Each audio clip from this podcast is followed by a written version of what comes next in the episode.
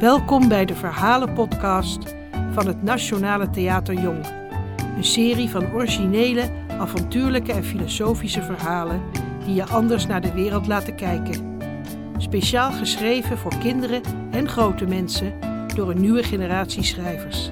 Voorgelezen door de acteurs van het Nationale Theater.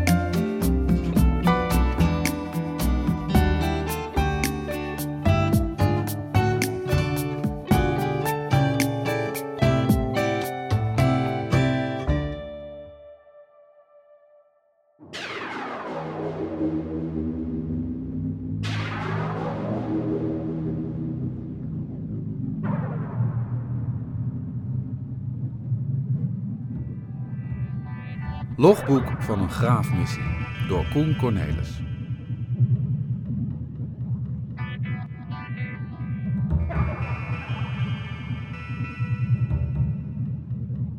Dit is het logboek van kapitein Drul. Het is dag 3 van onze graafmissie. We vorderen gestaag en zitten nu op zo'n 813 meter diep. Ik voel me fantastisch. Nog nooit heeft iemand geprobeerd het middelpunt van de aarde te bereiken. Ons supermoderne schip is gemaakt van het hardste staalplastic en zou zelfs bestand moeten zijn tegen lava. Het ziet eruit als een slang met voorop een draaiende boorkop die is gemaakt van diamant. Want dat is het hardste materiaal op aarde, waardoor we dwars door kristalwanden en zelfs keihard staalglas kunnen behoren. Al het steen dat we tegenkomen wordt door onze kop tot gruisvermalen ingeslikt, getransporteerd door loopbandbuizen en aan de achterkant van ons schip weer uitgepoept. Mijn drie bemanningsleden zijn al behoorlijk gewend aan elkaar. Lutien, de machinist, speelt 3D-poker tegen de scheepskok. Ze heeft al 14 potjes gewonnen. Kok denkt dat ze vals speelt, maar het zou me niet verbazen als ze op de een of andere manier onze gedachten kan lezen. Onze boordbioloog zorgt voor de 15 scheepspoezen. Maar haar belangrijkste missie is een nieuw diersoort te ontdekken, om mee te nemen naar het oppervlak voor onderzoek. Ik heb haar nog niet om haar naam durven vragen, dat ga ik morgen doen als ik het durf. Onze boordcomputer heb ik Roger genoemd, omdat Kok nogal bang is voor computers en ik denk dat alles wat een naam heeft minder eng is. Voorlopig graven we lekker snel door Kleigrond heen. We moeten in totaal 6371 kilometer graven. Mochten we bijzonderheden tegenkomen, zal ik ze in dit logboek opnemen. Dag 8. Vannacht wakker geworden met een raar gevoel. Eerst begreep ik het niet. Het was heel stil, maar het voelde alsof er iets niet in orde was. Toen drong het ineens tot me door. Waarom trillen we niet? We moeten gestopt zijn met graven. Ik sprong aan mijn hangmat en rende naar het stuurcentrum, waar Roger me in zijn computerstem vertelde dat we niet meer graven, maar zwemmen. Blijkbaar waren het geen mollen, maar zandbevers en hadden ze onze gangen vol laten lopen met water. Roger heeft geprobeerd met ze te communiceren in hun geurtaal, maar het enige wat we wijzer zijn geworden is dat ze hun leefgebied proberen te beschermen. We kunnen terugpraten via onze geurmicrofoon, maar blijkbaar missen we de juiste geuren om te kunnen zeggen dat we in vrede komen. De bioloog, die ik nog steeds niet om haar naam heb durven vragen, en Kok zijn toen aan de slag gegaan en hebben alle mogelijke geuren verzameld die er aan boord te vinden zijn. Ze moesten met een speciale geurdetector geuren oogsten. Ik vond het wel wat ongemakkelijk toen ze met de detector tussen mijn tenen begonnen te vroeten, maar blijkbaar had ik daar het woord voor vrede zitten. Gelukkig konden we daarmee de bevers wijsmaken dat we ongevaarlijk zijn. Maar ze wilden onze gang pas leeg laten lopen toen we de helft van al ons voedsel aan ze gegeven hadden. Ik hoop maar dat ons voedsel niet opraakt voordat we weer boven de grond komen. Dit is dag 15 van onze gaafmissie. Er heerst een gezellige sfeer aan boord. Lutien en onze bioloog fluiten de hele tijd liedjes, terwijl onze katten om hun benen heen lopen en kopjes geven. Kok en Roger zijn erg bevriend geraakt. Ze zijn zelfs zo close dat Kok af en toe het luik onder het stuur openschroeft om tussen de zoemende en klikkende binnenkant van Roger te gaan zitten. Ook heeft Kok aan Lutien gevraagd een computertong te maken, zodat Roger de baksels van Kok ook kan proeven. Ze is behoorlijk aan het knutselen geslagen. En met hulp van onze bioloog maken ze nu de hele tijd rare, half elektrisch, half levende onderdelen die Roger steeds menselijker maken. Ik maak me er wel een beetje zorgen om, want laatst vroeg Roger uit het niets aan me of ik tussen zijn harddrive en processor kon krabben, omdat hij daar zo'n jeuk had. toen ik het luik opende en bij zijn harddrive kwam, zag ik dat er ook daadwerkelijk een stuk huid zat met rode bobbeltjes. Ik vond het nogal vreemd, maar Kok zei dat rode bultjes heel normaal zijn als je voor het eerst vruchtentaartjes eet. Dag 23. Vandaag zag ik een vreemde stip op de boordradar. Een soort gesteente, dacht ik eerst. Maar naarmate we dichterbij kwamen, begon het steeds sterker naar banaan te ruiken. Eerst dachten we nog dat de geurmicrofoon stuk was. Maar toen kwamen we erachter dat de stip op de radar gewoon echt een banaan was. En geen gewone, maar een gigantische, megalomane mammoetbanaan. Wie heeft er nu weer een banaan in de aarde gestopt? We zitten al op 9000 meter en ik kan me niet voorstellen dat iemand het grappig genoeg zou vinden zo'n diep gat te graven, alleen maar voor een banaan. Ik wilde er omheen sturen. Lutien vond dat we er dwars doorheen moesten boren.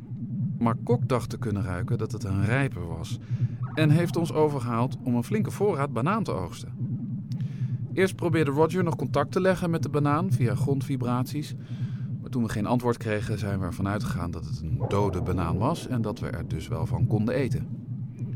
We zijn langs zij gekomen en hebben het boordluik geopend. Lutien heeft met een groot kettingzwaard een opening in de schil gemaakt. En vervolgens hebben we ombeurten het bananenvlees in emmers geschept. Het einde van de dag waren we allemaal bezweet en plakkerig, omdat we steeds uitgleden over de bananenvloer van de bananengrot. We hebben nog wel even een selfie gemaakt voor op de socials. Hoeveel likes zouden we hier wel niet door krijgen? Dag 55. De aardlaag waarin we terecht zijn gekomen is ontzettend vochtig. Ik denk dat we in de buurt van een onderwaterrivier zijn. Kok is ziekelijk heeft al dagen niet kunnen koken. Alle snacks en kant-en-klaar maaltijden zijn op. Dus nu eten we banaan. Al acht dagen achter elkaar en het komt mijn neus uit.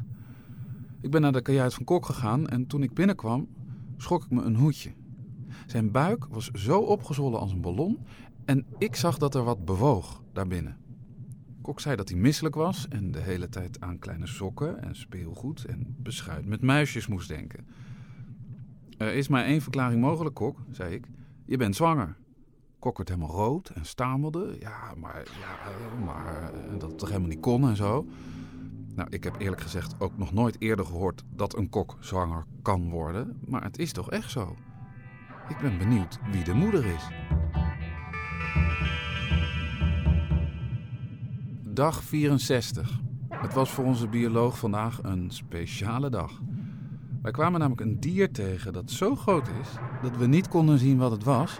En we hebben vijf uur lang geprobeerd er omheen te graven.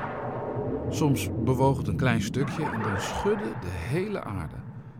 De bioloog wilde heel graag weten welk dier het was, dus zijn we toen maar dichterbij gekomen om het te onderzoeken. En we ontdekten dat het dier een vacht had. Tussen de hagen door, die ongeveer zo groot zijn als ons hele schip, wisten we bij de huid te komen. En daar vonden we een gat. Blijkbaar was het een pori. Er zat maar één ding op en dat was een weg dwars door dit dier heen te vinden. En dus zijn we door de pori naar binnen geglipt. Op slag werden de boordpoezen ontzettend wild en ze bliezen aan één stuk door. We moesten ze opsluiten in hun koortjes. We kwamen via een talgklier in de bloedbaan terecht, waar we direct door witte bloedcellen werden aangevallen omdat ze dachten dat we een bacterie waren. Alle alarmen gingen af en de oliedruk in de motor werd veel te hoog, schreeuwde Lutien uit de motorkamer. We moesten zo snel mogelijk uit de bloedbaan wegvluchten. Gelukkig lukte het te ontsnappen en we kwamen in een heel waterig gebied. Ik was opgelucht, maar nadat de bioloog het water had onderzocht, raakte ze in paniek. Het is speeksel. Het is speeksel, riep ze. Snel, doe wat voordat we worden opgegeten. Wat moet ik doen? riep ik, maar niemand wist iets. We renden als gekken heen en weer en drukten op alle knoppen. Gelukkig bedacht Roger om de geurmicrofoon vieze geuren uit te laten stoten. Eerst werkte het niet, maar toen we kattengeur probeerden, werden we plotseling uitgespuugd. Gek genoeg stopte de poes meteen met miauwen en konden we verder graven. De bioloog en ik vragen ons wel af door welk dier we eigenlijk heen gereisd zijn. Dag 82. Is dag 2 van onze vakantie in een ondergronds grottenstelsel. Vandaag kwamen wij iets vreemds tegen. We vonden in een smal gangetje een klein deurtje waarboven geschreven stond Drill Museum. Het stond er echt. En ik werd als een soort filmster binnengehaald. Wat fijn, meneer Drill, zeiden ze, dat u nu eindelijk in het museum van uw leven een kijkje komt nemen. Ik was nogal overdonderd, want ze schenen alles over mij te weten. We gingen allereerst naar de kaartenkamer. Daar kon je precies zien waar ik overal op de aarde geweest ben. Ze hadden zelfs een 3D-kaart van onze graafmissie. En helemaal onderaan die kaart piepte een klein stipje.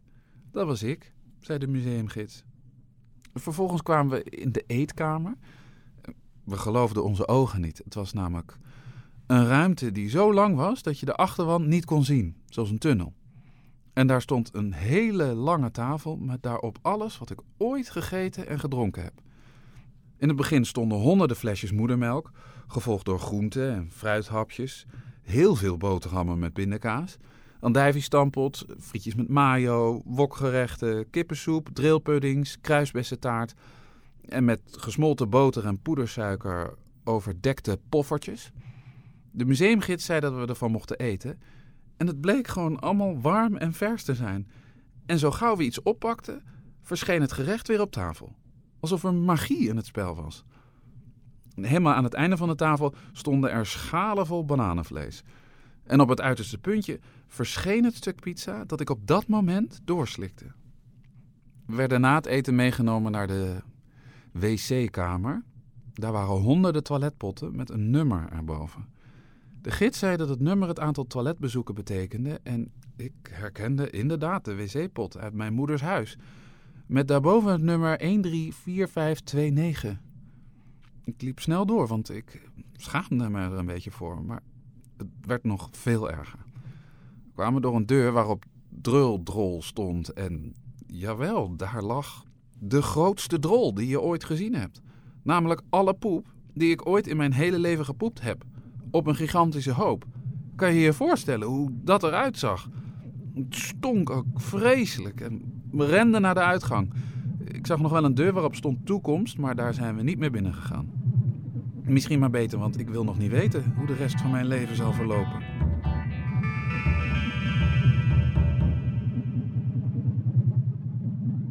Dag 101. Het is hier verschrikkelijk heet. We gaven door grond van 500 graden en de koelinstallatie werkt overuren, maar toch lijkt het hier een soort oven. Zelfs Roger zweet. Er was ook de hele tijd een gespannen sfeer, want Kok stond op het punt te bevallen. Lutien en ik zaten bij de boordpoesen die we probeerden af te koelen met een grote door Lutien gemaakte ijsfeun. We mochten niet in de kajuit van Kok, alleen de bioloog en Roger waren er. Lutien heeft twee dagen geleden een half mens, half robotarm in Cox kajuit geïnstalleerd, zodat Roger Cox hand vast kan houden tijdens de bevalling. Het begon met een uitroep van Kok. We hoorden allerlei rare geluiden en de biologie persen, Kok, persen. Roger viel flauw. Ik bedoel, liep vast. En toen hij weer bijkwam, hoorden we de bioloog zeggen: Ik zie hier al een wiel, nog één keer persen. Vervolgens hoorden we een heel schattig, robotachtig gehuil. Veel opgelucht gezucht en Kok moest huilen van blijdschap. Na een half uur mochten wij ook komen kijken. En daar lag een prachtig robotmeisje met wieltjes, gekrulde antennes en menselijke babyarmpjes met van die lieve kleine babyvingertjes. De bioloog noemde de half computer, half mens baby een nieuwe levensvorm en zei dat haar missie geslaagd was. We hadden geen beschuit meisjes aan boord. In plaats daarvan heb ik met Lutiens ijsfeun bananenijsjes gemaakt en iedereen wilde. Zelfs Kok. We zijn nu net een echte familie.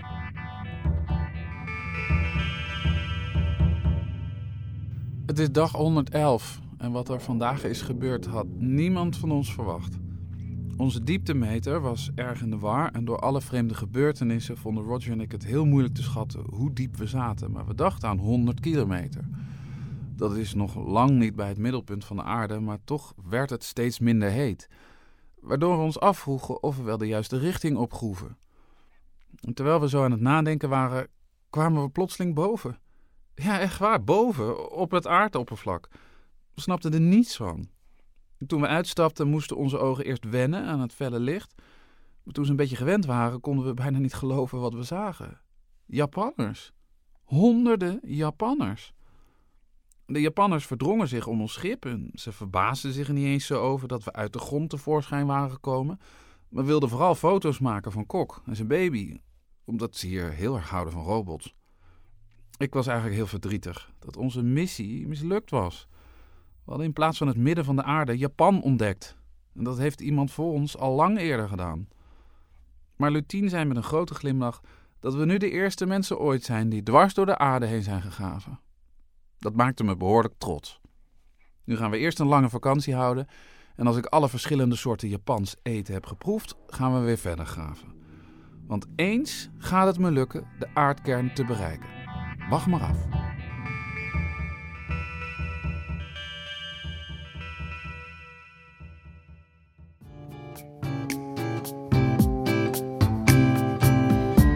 Dit verhaal werd voorgelezen door Rick Paul van Mulligen. Regie Noël Fischer, muziek en soundscape Gerjan Schreuder. Schrijfbegeleiding Martine Mante, geluidstechniek Alexander Kramer. Geproduceerd door het Nationale Theater Jong Den Haag.